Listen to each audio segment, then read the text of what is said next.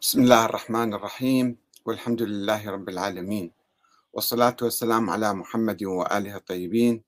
ثم السلام عليكم أيها الأخوة الكرام ورحمة الله وبركاته.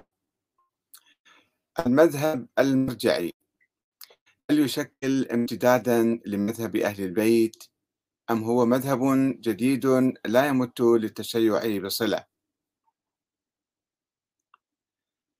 آه، قال السيد مرتضى الكشميري وكيل السيد السيستاني في أوروبا. آه، في مراسم إحياء الذكرى السنوية لوفاة المرجع الراحل السيد أبي القاسم الخوئي رحمة الله عليه. وفيما يلي مقتطفات من كلمة السيد الكشميري كما نقلها موقع مؤسسة الإمام علي التابعة له في لندن. قال إن المرجعية العليا عمد الوسط لخيمة المذهب الجعفري وهي مصدر قوته وعزته والمرجعية العليا ركيزة من ركائز التشيع. آه، وقال أيضا آه، أصبح من ركائز المذهب الشيعي وميزاته التي يختص بها وضرورة فهم حقيقته وخطورته. فلما وعى الأعداء أهمية هذا الركن الركين للطائفة الحقة راحوا يخططون لمحاربته عبر أجندة داخلية تظهر عبر إثارة التشكيكات بهذا المقام تارة وعبر أساليب أخرى أحيانا كدعاوى المهدوية أو الارتباط المباشر بالإمام المهدي عليه السلام والنيابة الخاصة عنه وحمل رسائل محددة منه إلى المؤمنين. وهنا تظهر ضرورة طرح هذه المسألة ومساسها بحياتنا الفعلية ووظيفتنا الشرعية وهي التصدي لدفع تلك الأباطيل والشبهات. فمن كاتب يكتب مقالا ينفي فيه اتصاف المرجع الأعلى بصفة نائب الإمام. هناك من يطرح أنه الإمام أصلا ما موجود هو يركز على هاي النقطة. وآخر يطرحه في محاضرة على المنابر. محاولين الاستناد إلى نفي الأدلة الشرعية التي تثبت هذا العنوان له أن المرجع هو نائب الإمام يعني. ما يقبل واحد يشكك في هذا الموضوع. وهم يجهلون أو يتجاهلون ويتغافلون عن أنه حقيقة واقعة فمن العبث أن يبحث أن يبحث فيها نظريا. وأكد مرة أخرى قال المراجع هم محور التشيع وأتباعه فالشيعة الإمامية يؤمنون ويعتقدون بالإمامة التي هي عهد الله تعالى ولا تكون إلا بجعل منه وجعلها أيضا عبر تبليغ النبي لأوساعه. هي لا محالة موجودة في زمان الغيبة لولي الأمر وصاحب العصر والزمان. وهو يمارس هذا الدور ويؤدي مهمة الهداية عبر الذين نصبهم بالنصب العام للمرجعية. فهم مراجع الدين على مر العصور التي تلت زمان الغيبة الكبرى فمرجعيتهم للمؤمنين أمر واقع وحقيقة واقعة منذ قرابة ألف عام وقرنين. والشيعة ملتفون حولهم وهم محور المذهب وأتباعه. فهؤلاء المشككون ينفخون في رماد. لذا نهيب بإخواننا المؤمنين بالتفطن لهذه الحملات الشرسة التي يشنها الأعداء لفك الارتباط بينها وبين المرجعية العليا أو إضعافها. فإن المرجعية العليا هي عمد الوسط لخيمة المذهب الجعفري وهي مصدر قوته وعزته وشموخه وهي درعه الحصين والسد المنيع أمام تصدعه وتشرذم المنتمين إليه وضياعهم وغرقهم في الاختلافات والانشقاقات. ومن ثم سيطرة الأعداء عليهم فكريا وثقافيا واقتصاديا وعسكريا وسياسيا. واستمرارية المذهب بعناية ولي الله الأعظم صاحب العصر والزمان عجل الله فرجه وجعلنا من أنصاره والذابين بين يديه. هذا ملخص لما تفضل به السيد مرتضى الكشميري الوكيل العام للسيد السيستاني في لندن وأوروبا. في الحقيقة كلامه هذا في عدة مناقشات وقد ناقشنا كثيرا من فقرات هذا الموضوع. آه، أساسا نظرية الإمامة الإلهية هل هي نظرية أهل البيت أم هي نظرية سرية دخيلة ومركبة على أهل البيت وأهل البيت لم يكونوا يعرفونها وكانوا ينفونها. والإمام الحسن العسكري توفي دون أن يتحدث عن الإمامة. أحس بالوفاة وذهب إلى القاضي وأوصى بأمواله أن تذهب إلى أمه ولم يتحدث عن الإمامة أصلا فضلا عن وجود ولد له. وتقريبا هذا الخط من الإمامية ما عدا الإسماعيلية يعني. هذا الخط وصل إلى طريق مسدود وانتهى وتلاشى. ودخلوا في حيرة وتفرقوا شيعة الحسن العسكري أربع عشرة فرقة لأنه ما كانوا يعرفون شنو صار بالموضوع. صدموا وضاعوا وتفرقوا وذهبوا يمينا وشمالا. صاروا إسماعيلية وصاروا زيدية وصاروا معتزلة وسنة. ثم فريق من هؤلاء آه، افترض أو يعني قال بوجود ولد مخفي للإمام العسكري وعمره خمس سنوات وهم على اتصال به وهم صاروا وكلاء أو نوابة أول واحد عثمان بن سعيد العمري ادعى أنه نائب هذا الولد اللي عمره خمس سنوات اللي هو الإمام الثاني عشر. ومرة سبعون سنة كان فيها ضياع بالحقيقة. وآخر نائب من النواب الأربعة اللي تعاقبوا بعد عثمان بن سعيد الصيمري لم يتحدث عن ما ما هو مستقبل الإمامة ومن هو الإمام وهل آه، ترون الإمام أو لا ترونه؟ وسكت عن هذا الموضوع. ثم في القرن الرابع جاء آه، الشيخ المفيد والشيخ الصدوق والشيخ الطوسي بعد ذلك والمرتضى وأسسوا للمذهب الاثنى عشري المذهب الاثنى عشري قائم على فرضية وجود ولد للإمام العسكري وهو الثاني عشر على فرضية آه، الإمامة أو نظرية الإمامة الإلهية لأهل البيت لهذه السلالة. ثم بعد ذلك ادعى بعض الفقهاء فقهاء الشيعة بعد قرون من الزمن أنهم نواب عامون عن هذا الإمام الغائب. الذي قالوا لا يزال حي وموجود ومستمر في حياة رغم أنهم لم يروه ولم يعرفوا مصيره ولكنهم بنوا عقيدتهم على فرضيات وهمية خيالية. ثم نشأت المرجعية بناء على أن كل فقيه هو نائب الإمام المهدي العام. ولكن ليس كل الفقهاء كانوا يؤمنون بهذا الشيء. يعني هذه فرضية افترضوها تدريجيا ووسعوها شوية شوية ثم قالوا بأن آه، الفقهاء لهم النيابة العامة والولاية العامة على الناس. وأصبح المرجع يقول آخر مرجع الآن عندنا السيد السيستاني يقول أنا نائب الإمام المهدي العام وأنا الحاكم الشرعي وأنا ولي أمر المسلمين في كل العالم. يعني صار عندنا نظرية جديدة في الحقيقة نظرية سياسية دينية أن الذي يقول أنا فقيه أو يقال أنه فقيه والله أعلم بفقهه هل هو مجتهد حقيقة أم هو مقلد يقول يفترض أنه هو نائب الإمام وهو الحاكم الشرعي وهو آه، ولي أمر المسلمين في كل العالم. طيب وما ما هو موقفك أيها المرجع المحترم من النظام الديمقراطي يقول نعم أعملوا بالنظام الديمقراطي ولكن أنا فوق هذا النظام. أنا ولي أمر المسلمين أنا الحاكم الشرعي. هذا يعني تكتيكيا نقبل بها في الحقيقة يعني هناك تطور جوهري حاصل بما يسمى الشيعة اليوم. يعني شوفوا هاي الكلمات عندما نقول الشيعة الإمامية الاثنى عشرية المرجعية. هذه كل كلمة كان لها تاريخ. لم هذه مرة واحدة في زمن رسول الله صلى الله عليه وسلم.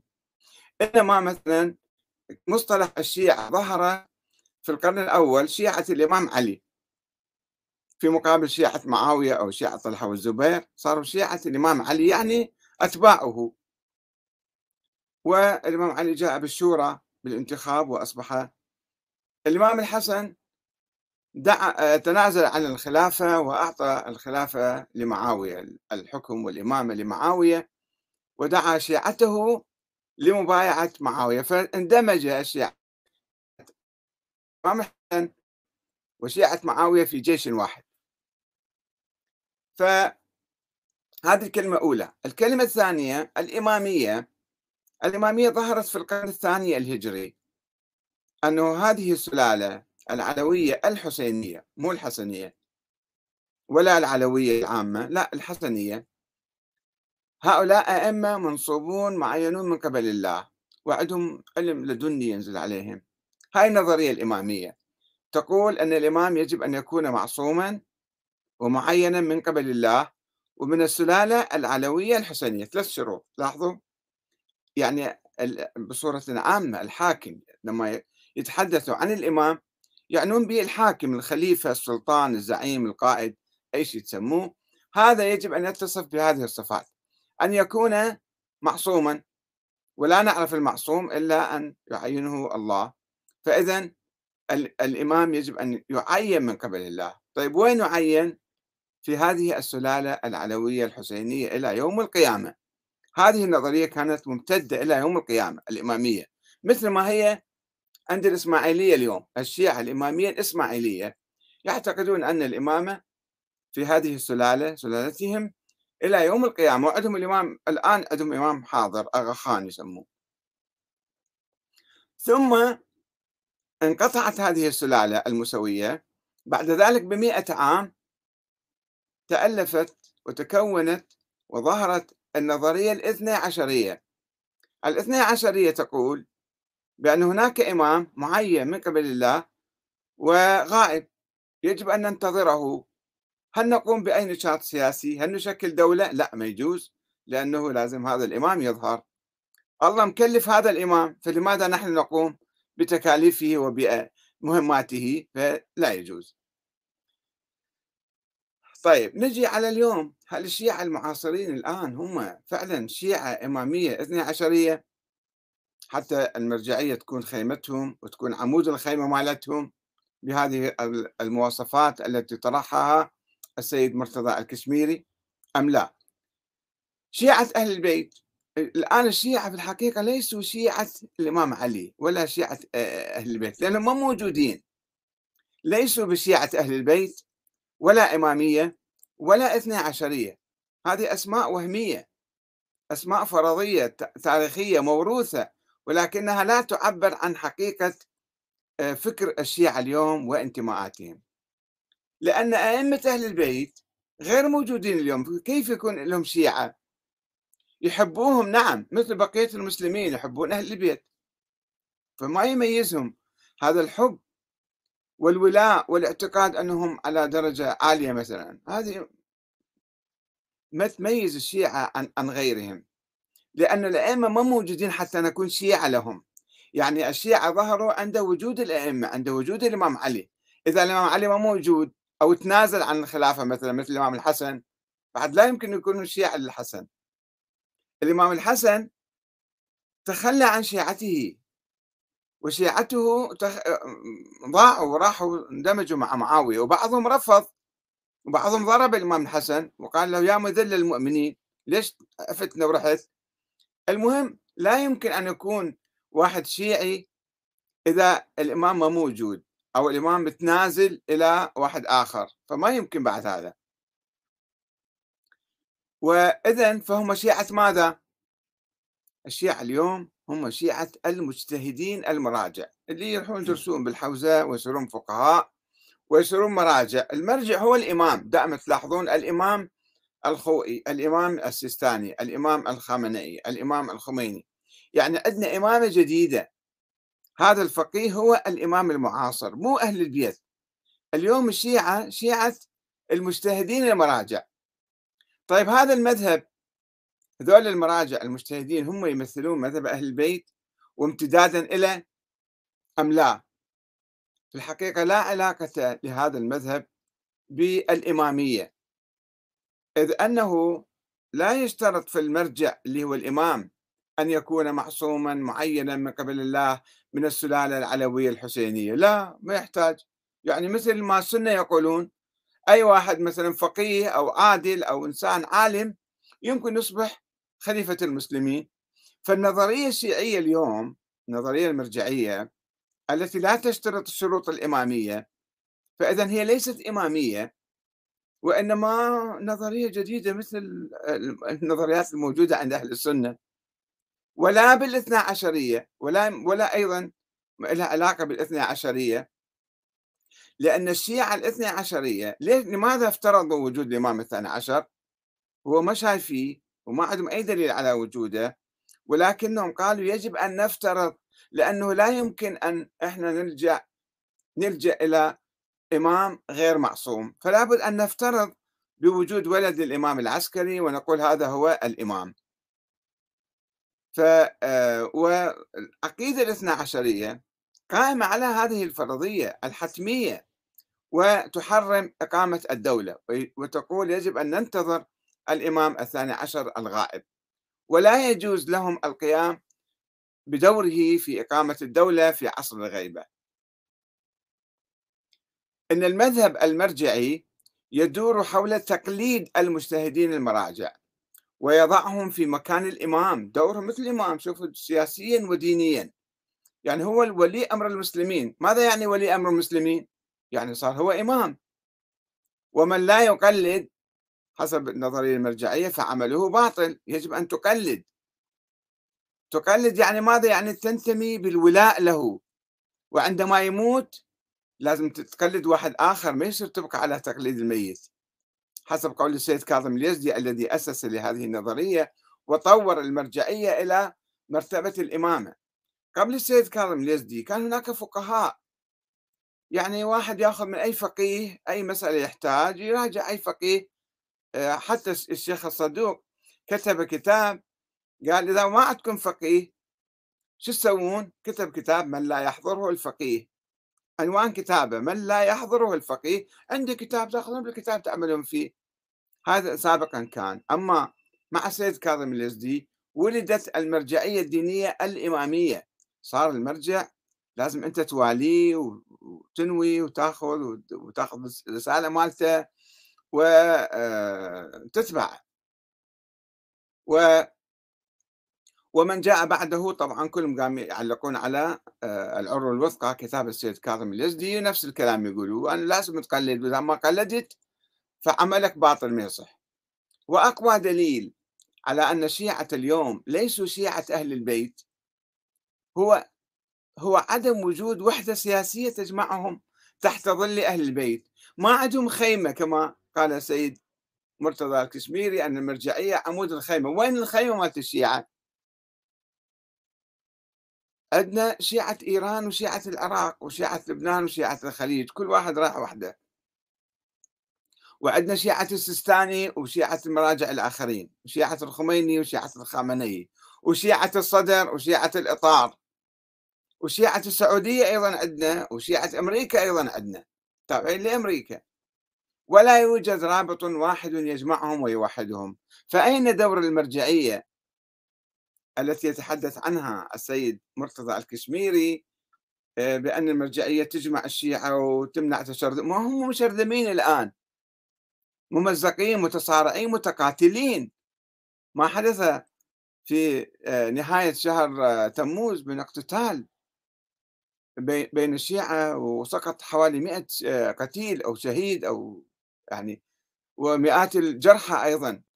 هذول يسموهم شيعة يا شيعة أهل البيت. كيف يمكن شيعة أهل البيت ويتقاتلون في فيما بيناتهم؟ إذن أحزاب ما لها علاقة. يعني الصفات وهمية. تبقى مسألة الفقه. فقه الإمام جعفر الصادق يقولون نحن جعفرية.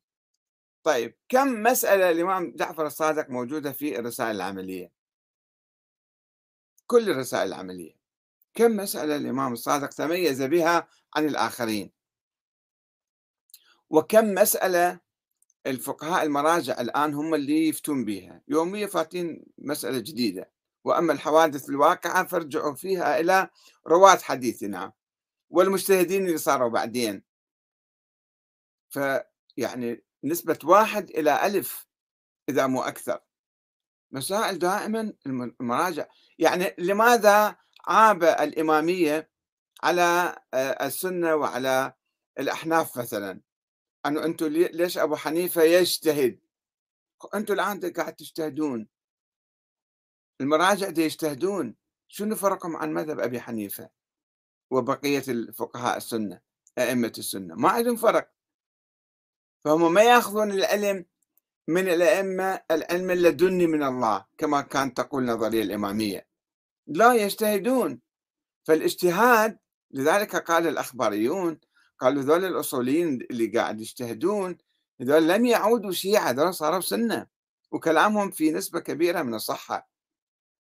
أولا في فتح باب الاجتهاد هو هذا نوع من الاندماج والتوحد مع أهل السنة. أنه إحنا ما عندنا علم لدني عندنا علم ظني صار الاجتهاد ظن. ثم حتى الاثنى عشرية الاثنى عشرية ما كان الشيعة في القرون الثلاثة يعرفونها. جابوها من السنة استوردوها من السنة. أحاديث يقول لك عند عند السنة موجود أن النبي قال سيكون بعدي 12 خليفة و12 أمير وكلهم من قريش. فأخذوا هذا الحديث وقصقصوه وجابوا القائمة هذه وسووها 12 واحد وركبوا عليها. فهذا المذهب الآن موجود مذهب هجين. المذهب الاثني عشري مذهب يعني هجين وليس له علاقة بأهل البيت. أهل البيت لم يتحدثوا أبدا عن الاثني عشرية.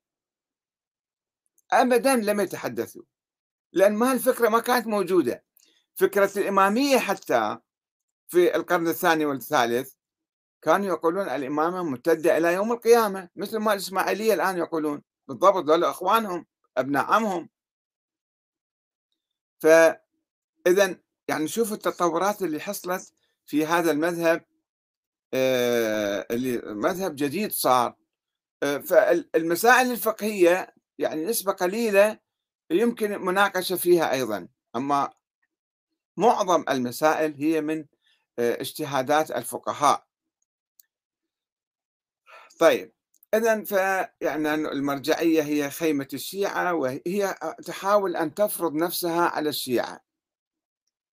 المرجعية أو هذا المذهب الجديد المذهب المرجعي والمراجع يحاولون أن يشكلوا آه، يعني قيادة جديدة للشيعة أو للجماهير لمن يقتنع بهم ويقولوا نحن عندنا آه، غطاء ديني. فشوفوا فقهاء أهل السنة مثلا يجتهدون ولكن لا يقولون أنه إحنا أولياء أمور المسلمين. لا أنا فقيه مثلا وعندي رأي الناس ينظرون إلي ويشوفون كلامي. إذا بي أدلة معقولة وقوية يأخذون بكلامي إذا ما عندي أدلة ما يأخذون. بينما المرجعية الآن كل واحد يفتي يفتي من دون ما يقدم أدلة. وحتى لو خالف القرآن حتى لو خالف العقل لو خالف الفطرة وفي مسائل كثيرة اللي الآن فتاوى المراجع آه، يفتون عكس آه، القرآن والعقل والذوق والعلم فتاوى عجيبة غريبة. وعندما تسألوهم ما هو دليلكم يقولون لا لا تسأل عن دليل أنت قلد وامشي ما عليك إحنا نفتهم إحنا درسنا وبحثنا وسوينا وإحنا عندنا غطاء شرعي إحنا نواب الإمام المهدي. والإمام المهدي هو آه، ضمن السلسلة الاثنى عشرية اللي معينة من قبل الله فإحنا معينين من قبل الله فإحنا الحكام الشرعيون. شوف شلون صارت الفكرة. يعني الأئمة الذين كانوا يقولون الأئمة معصومون ومعينون من قبل الله والنبي نص عليهم مثلا أو عندهم معاجز. طيب هؤلاء المراجع الذين يدعون آه، نظرية شبيهة بنظرية الإمامة. بالضبط. مثل أو أكثر حتى. طيب ما هو دليلكم على أنتم مرتبطين بالسماء ومرتبطين بالله وعندكم آه، غطاء شرعي؟ هل عندكم نص عليكم واضح وصريح؟ يقول لا إحنا نفترض أننا نواب الإمام نفترض. ثم آه، آه، طيب شو عندكم معاجز؟ لا معاجز ما عندهم. طيب ليش أنا لازم آخذ كلامكم بدون نقاش وأسمع كلامكم 100% كما قال الشيخ عبد المهدي الكربلائي قبل أربع خمس سنوات قال اللي ما يقلد هذا أصلا مو شيعي ومو جعفري ما التقليد جديد جاي. ما كان التقليد سابقا موجود. كيف يكون واحد مو شيعي ومو جعفري إذا ما قلد؟ أنتم جايبين نظرية جديدة قاعد تفرضوها على الشيعة على ما على المسلمين الذين يسمون شيعة أهل البيت. تاريخيا يعني وإلا هم كما قلنا في البداية أهل البيت ما موجودين. فصاروا شيعة السيستاني أو شيعة الخميني أو شيعة خمنئي أو شيعة الشيرازية وهكذا. ما عندهم وحدة مع بعض وما عندهم أساس شرعي لمرجعيتهم. والسيد مرتضى كشميري ما يقبل واحد يناقش بالموضوع. لا تناقشوا هذه. يقول كما قرأنا قبل قليل أن هذه مسألة ما فيها نقاش يعني. آه كما قال أنه يعني ليست آه, آه، فمن العبث أن يبحث فيها نظريا. طيب السيد الخوئي بحث في هذه النظرية بحث في ولاية الفقيه وقال هذه الروايات الجايبيها آه، توقيع إسحاق بن يعقوب وما أعرف منه ذولا مجهولين ومو ثقات ومو معروفين فإحنا ما يمكن ناخذ كلامهم. ورفض نظرية ولاية الفقيه. الآن في ذكرى وفاة السيد الخوئي السيد مرتضى الكشميري يقول لا هذه مسألة ما لازم نبحث فيها. وهناك بعض الكتاب جايين يناقشون في اتصاف المرجع الأعلى بصفة نائب الإمام. بس المرجع الأعلى ما هو كل فقيه بهاي النظرية. كل فقيه سواء أعلى ولا أدنى يقول أنا نائب الإمام. أي واحد صار مجتهد صار هو نائب الإمام. فإذا اجى واحد ناقش يقول لا هاي شنو؟ التصدي لدفع تلك الأباطيل والشبهات. فمن كاتب يكتب مقالا ينفي فيه اتصاف المرجع الأعلى بصفة نائب أنت حاول تثبت هالموضوع أول شيء. فمنين جبت أنه هذا المرجع نائب الإمام؟ بس هذه حتى يعطوه صفة دينية وهو يصير قائد سياسي. وطبعا شو ما يسوي لازم إحنا نقول له أحسنت وبارك الله فيك وكلامك صحيح. وإذا أشياء ما سواها ما كان بالدفاع عن المسلمين أو عن البلاد. أو مثلا هذا الأعداء هذا المحتلين هو أيضا يبقى هو مرجع هو يعرف تكليفه وإحنا لازم نغمض عيوننا ونمشي وراه. تقليد أعمى يصير. إذا هذا بالحقيقة يدفعنا إلى أن نبحث تاريخ تطور المذهب الشيعي الإمامي إلى المذهب المرجعي. كيف تحول المذهب؟ صار من مذهب شيعي من حركة سياسية أو حزب شيعي إلى طائفة إمامية إلى المذهب المرجعي اليوم الجديد المذهب الجديد الذي يحاول أن يفرض نفسه على المسلمين. عندنا فاصل ونعود لكم إن شاء الله.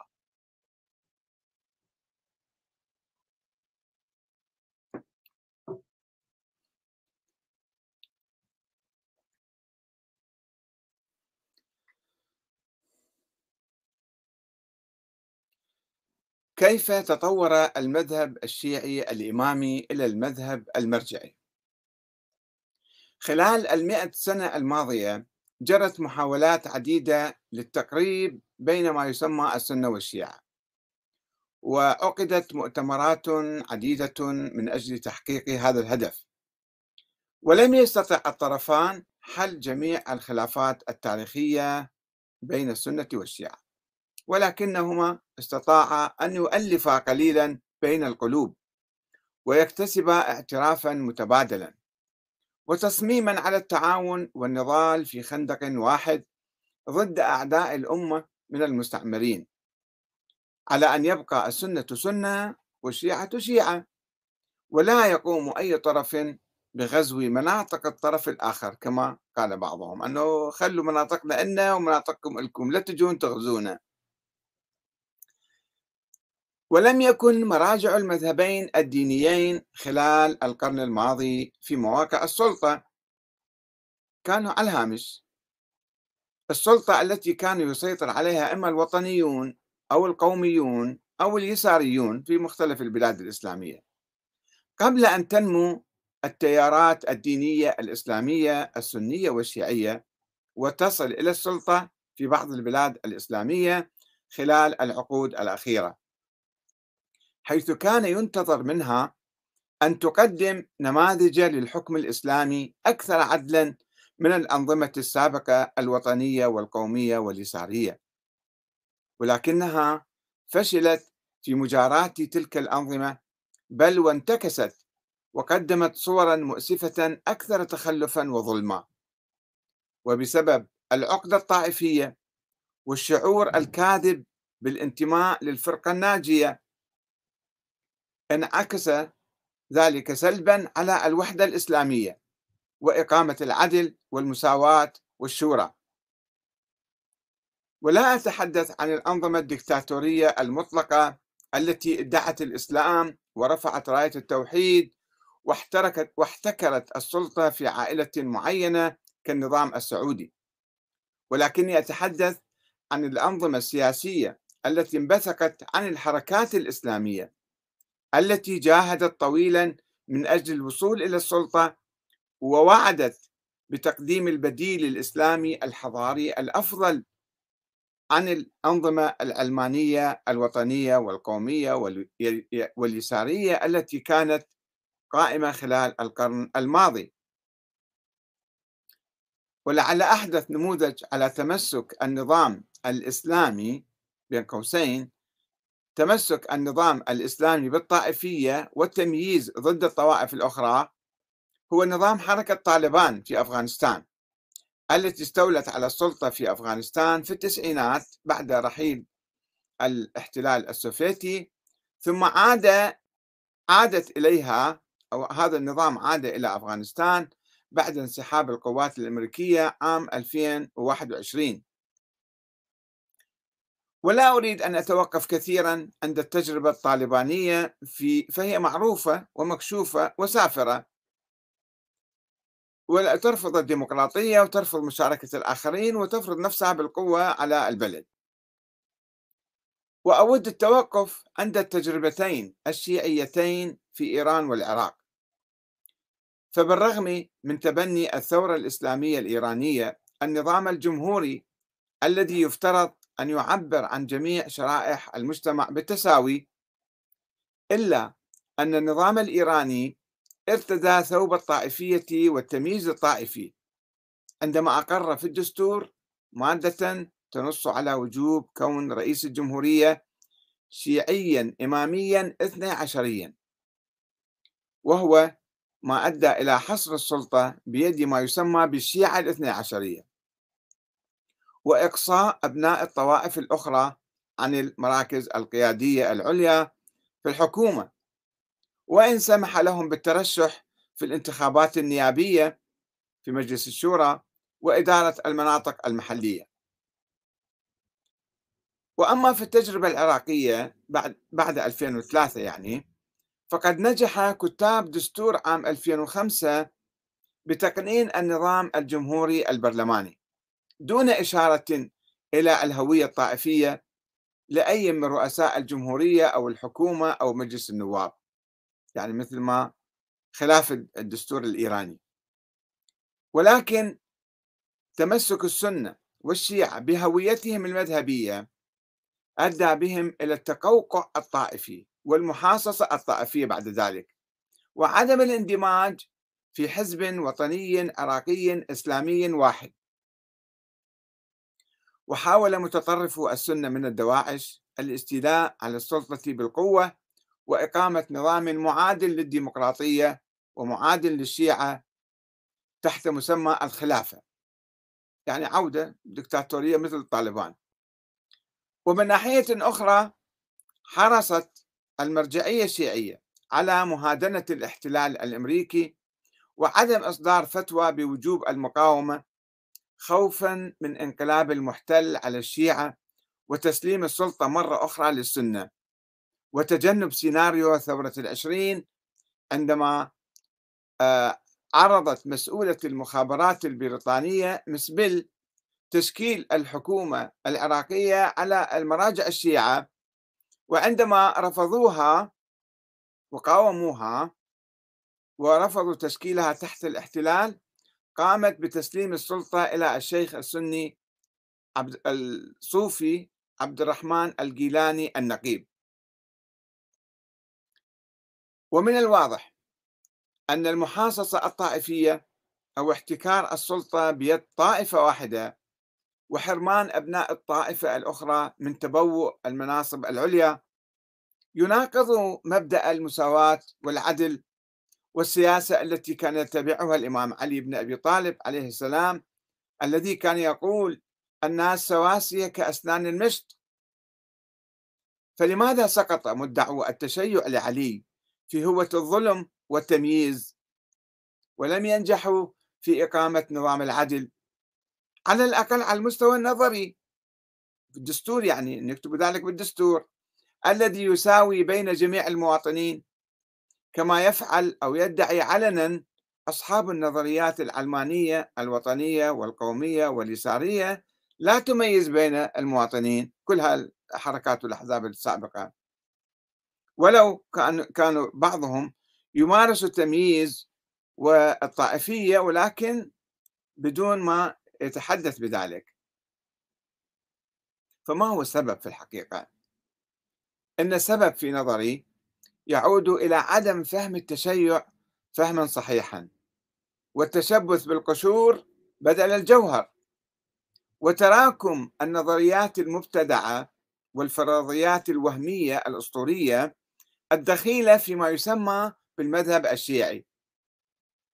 وأن أول بدعة طرأت على الشيعة والتشيع في التاريخ هي بدعة نظرية الإمامة الإلهية واعتبار الولاء لأئمة أهل البيت ركنا من أركان الإسلام أو أهم ركن حتى حتى أهم من الصلاة والصوم والحج والزكاة.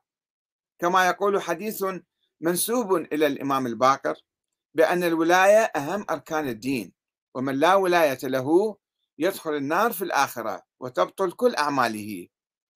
كما قال أحد أساتذة الحوزة في النجف آه، يعني الشيخ محمد باقر الأيرواني أنه اللي ما عنده ولاية لو جاء ملء الأرض ذهبا وصلى وصام وحج وجاهد وكل شيء سوى هذا يروح للنار بعدين لأنه ما عنده ولاية فالولاية أهم شيء.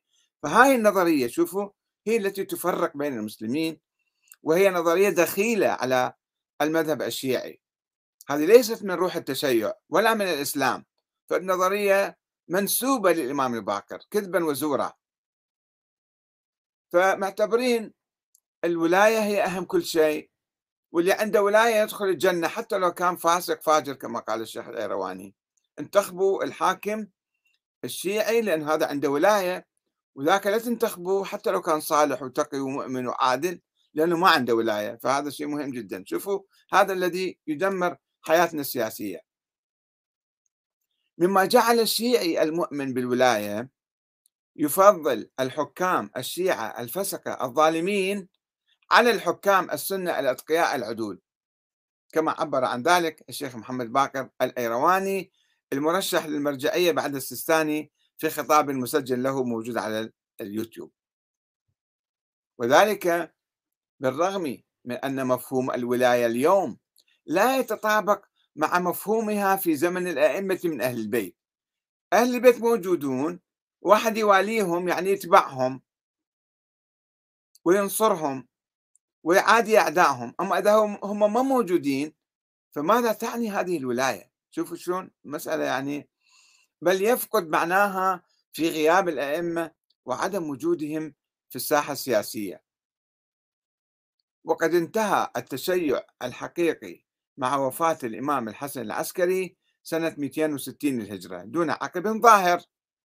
ولم يبق منه إلا بضعة فتاوى فقهية منسوبة للإمام جعفر الصادق وفيها نقاش. ولا تختلف عن فتاوى أي مجتهد آخر من أئمة المسلمين بل وإنها وردت الفتاوى المنسوبة للإمام جعفر الصادق وردت متناقضة ومختلفة ومشكوكة.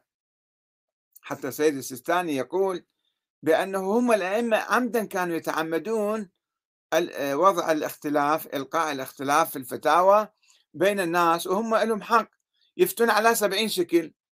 فهذا معناته حتى مذهب أهل جعفر الصادق نحن لا نعرفه بالضبط ولسنا متأكدين منه مية بالمية. لقد انقرض التشيع للسلالة المسوية في القرن الثالث الهجري في أواسط القرن الثالث الهجري في الوقت الذي نهض أئمة الإسماعيلية هم إمامية وأقاموا الدولة الفاطمية قرونا من الزمن بالرغم من اختلاق ولد موهوم للإمام العسكري والقول بغيبته واستمرار حياته إلى اليوم فيما عرف بالمذهب الاثنى عشري اللي ولد في القرن الرابع الهجري. هذا المذهب الاثنى عشري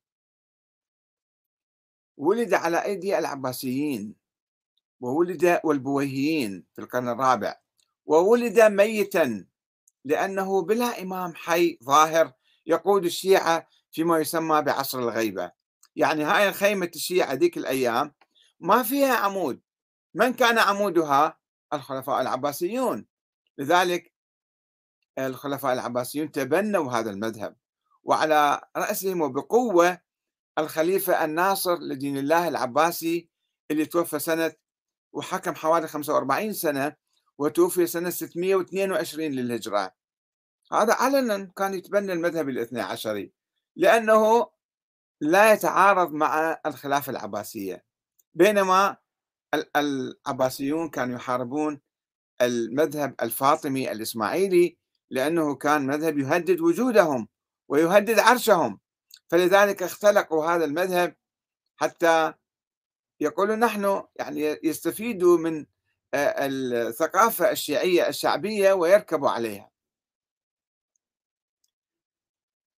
ونتيجة لهذا الفراغ الإمامي ما موجود إمام ولد مذهب جديد يدعي التشيع والولاء الوهمي لأهل البيت والانتماء لخط الإمامة وهو المذهب المرجعي الذي لا يشترط العصمة ولا النص ولا السلالة العلوية الحسينية ولا العلم الإلهي اللدني. ويقوم على الاجتهاد وعلى اختيار المرجع من قبل الناس. صار مذهب ديمقراطي يعني مذهب آه، شورى يقوم على الشورى. وليس على آه، آه، يعني النص الصريح. وقد اتسم المذهب المرجعي. منذ ولادته في القرن الرابع الهجري بالانعزال السياسي بل تحريم العمل السياسي وعدم التصدي لإقامة الدولة في عصر الغيبة أو محاربة الظالمين. لأن ذلك يعتبر خروجا عن المذهب الإمامي كما يقول الشيخ الصدوق أحد مؤسسي المذهب الاثني عشري في القرن الرابع الهجري كانت في بقايا المذهب الإمامي أنه يجب أن يكون الإمام معصوما لا يجوز أن واحد غير معصوم يتولى الإمامة ويصدر للحكم ويقيم دولة. الشيخ الصدوق أحد مؤسسي المذهب الاثني عشري في القرن الرابع الهجري. ولكن هذا المذهب المرجعي تطور في العقود الأخيرة ليرتقي إلى مستوى السياسة والحكم ويقدم نفسه كنظام سياسي كامل نظام سياسي ديني كامل وشامل تحت مسمى نظرية ولاية الفقيه. وكان بإمكان هذا النظام أن يقدم نفسه نظاما لكل المسلمين السنة والشيعة. يعني نظام ولاية الفقيه ممكن حتى السنة يؤمنون بولاية الفقيه. يعني هذا حتى آه، الإمام الجويني في القرن الخامس الهجري أيضا كتب حول ولاية الفقيه. إذا أنه ما في خليفة موجود ممكن المسلمين يختارون فقيها ويجعلوه إماما. فإذا نظرية ولاية الفقيه هي نظرية أيضا يعني كانت مرفوضة من الشيعة الاثنى عشرية ولكن هنا الآن أصبحت نظرية أنه هذا أفضل من واحد جاهل أو أفضل من واحد فاسق ظالم. فكان يمكن تجمع بين السنة والشيعة. ولو كانوا عاملين هذا الشيء لكانوا تجاوزوا الخلاف التاريخي والتمييز الطائفي. كان صار نظرية لكل المسلمين. وبعد ما أقروها بإيران يعني ما كانوا بحاجة إلى أن يقولوا أن آه، الرئيس رئيس الجمهورية يجب أن يكون شيعيا إماميا اثني عشريا. نظرية ولاية الفقيه هي لكل المسلمين ويشارك بها جميع ال... كانت جمعت كل الشعب الإيراني.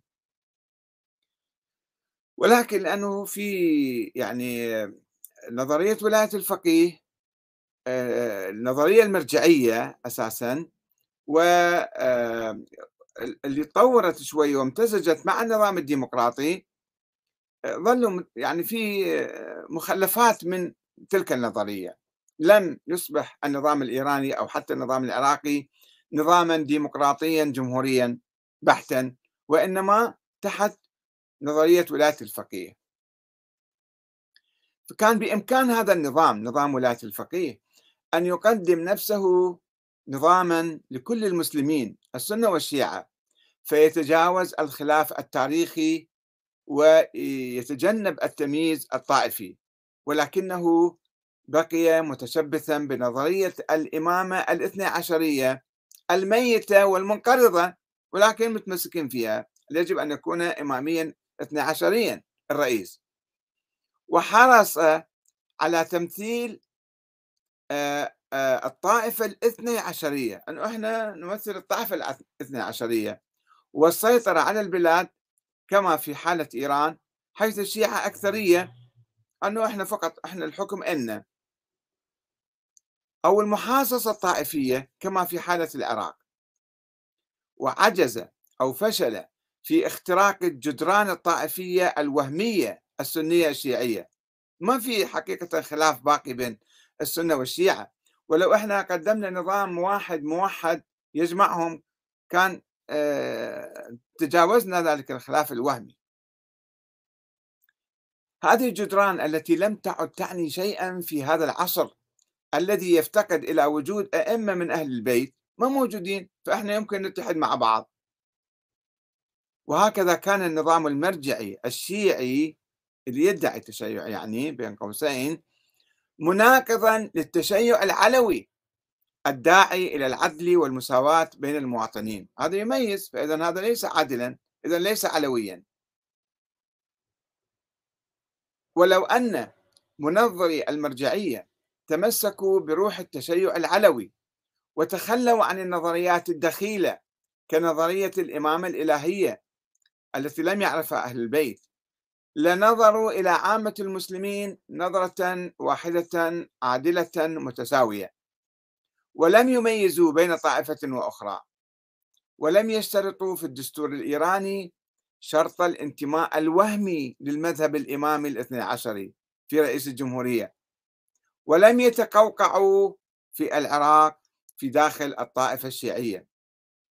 لو عاملين هذا الشيء لتفوقوا على الأنظمة السياسية السابقة العلمانية الوطنية والقومية واليسارية وقدموا نموذجا أروع وأفضل في العدالة والحرية والديمقراطية. ويعود السبب. في إخفاق مراجع الشيعة في الخروج من القمقم الطائفي إلى رحاب الوحدة الإسلامية إلى عدم دراستهم للتاريخ الشيعي ومعرفة الجوهر والقشور والثابت والمتغير في التجربة الشيعية التاريخية. إن ما يسمى بالشيعة اليوم مدعوون إلى دراسة التشيع التاريخي دراسة علمية والتحرر من النظريات الدخيلة التي فرقت المسلمين ولا تزال تفرقهم. ومعرفة أن المرجعية مذهب جديد لا يمت إلى التشيع بصلة لأنه نقيض للإمامة ونظرية الإمامة ويقوم على مجموعة فرضيات وهمية دخيلة مثل نظرية النيابة العامة أو وجود الإمام الثاني عشر وهو ما يؤدي إلى تموضع الحركة الشيعية إذا سوينا هذا الشيء وقمنا بهذه الثورة الفكرية والثقافية.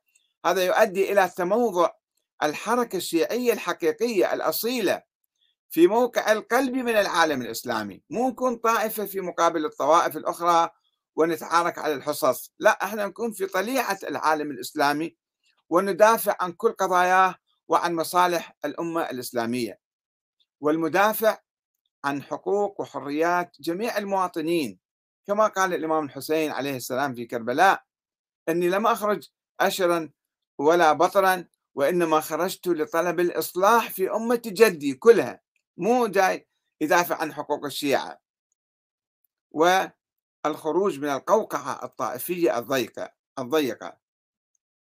وهذا لا يتم إلا بالتحرر من المذهب المرجعي المبتدع الذي يحاول أن يجمع بين السلطتين الدينية والسياسية ويقيم نظاما ثيوقراطيا معاديا للديمقراطية والوحدة الإسلامية ويفرض نفسه على المجتمع بحجة أنه يشكل امتدادا لمذهب أهل البيت وهو بعيد عن هذا المذهب تماما. والسلام عليكم ورحمة الله وبركاته.